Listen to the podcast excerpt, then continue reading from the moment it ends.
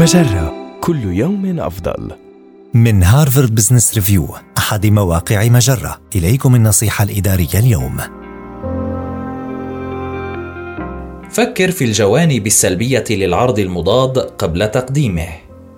عندما يخبرك موظف متميز الأداء أنه تلقى عرض عمل من شركة أخرى ستبدو لك فكرة تقديم عرض مضاد خطوة لا تحتاج إلى تفكير.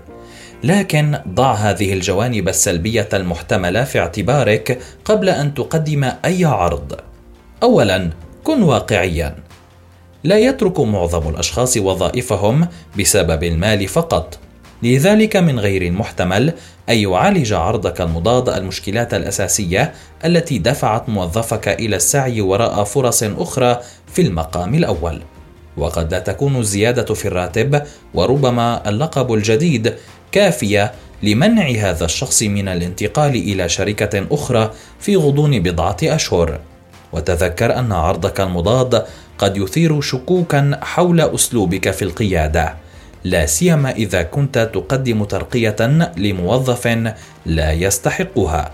كما يجب عليك أن تثبت مدى صحة قرارك أمام إدارة الموارد البشرية ومديرك وإدارتك. أخيرا تذكر أن تقديم عرض مضاد قد يؤثر سلبا في معنويات الفريق.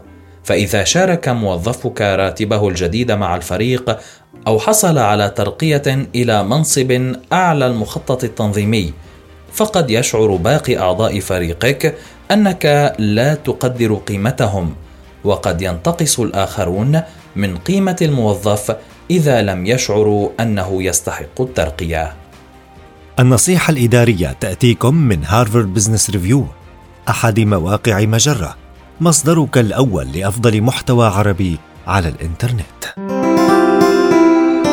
مجرة كل يوم أفضل.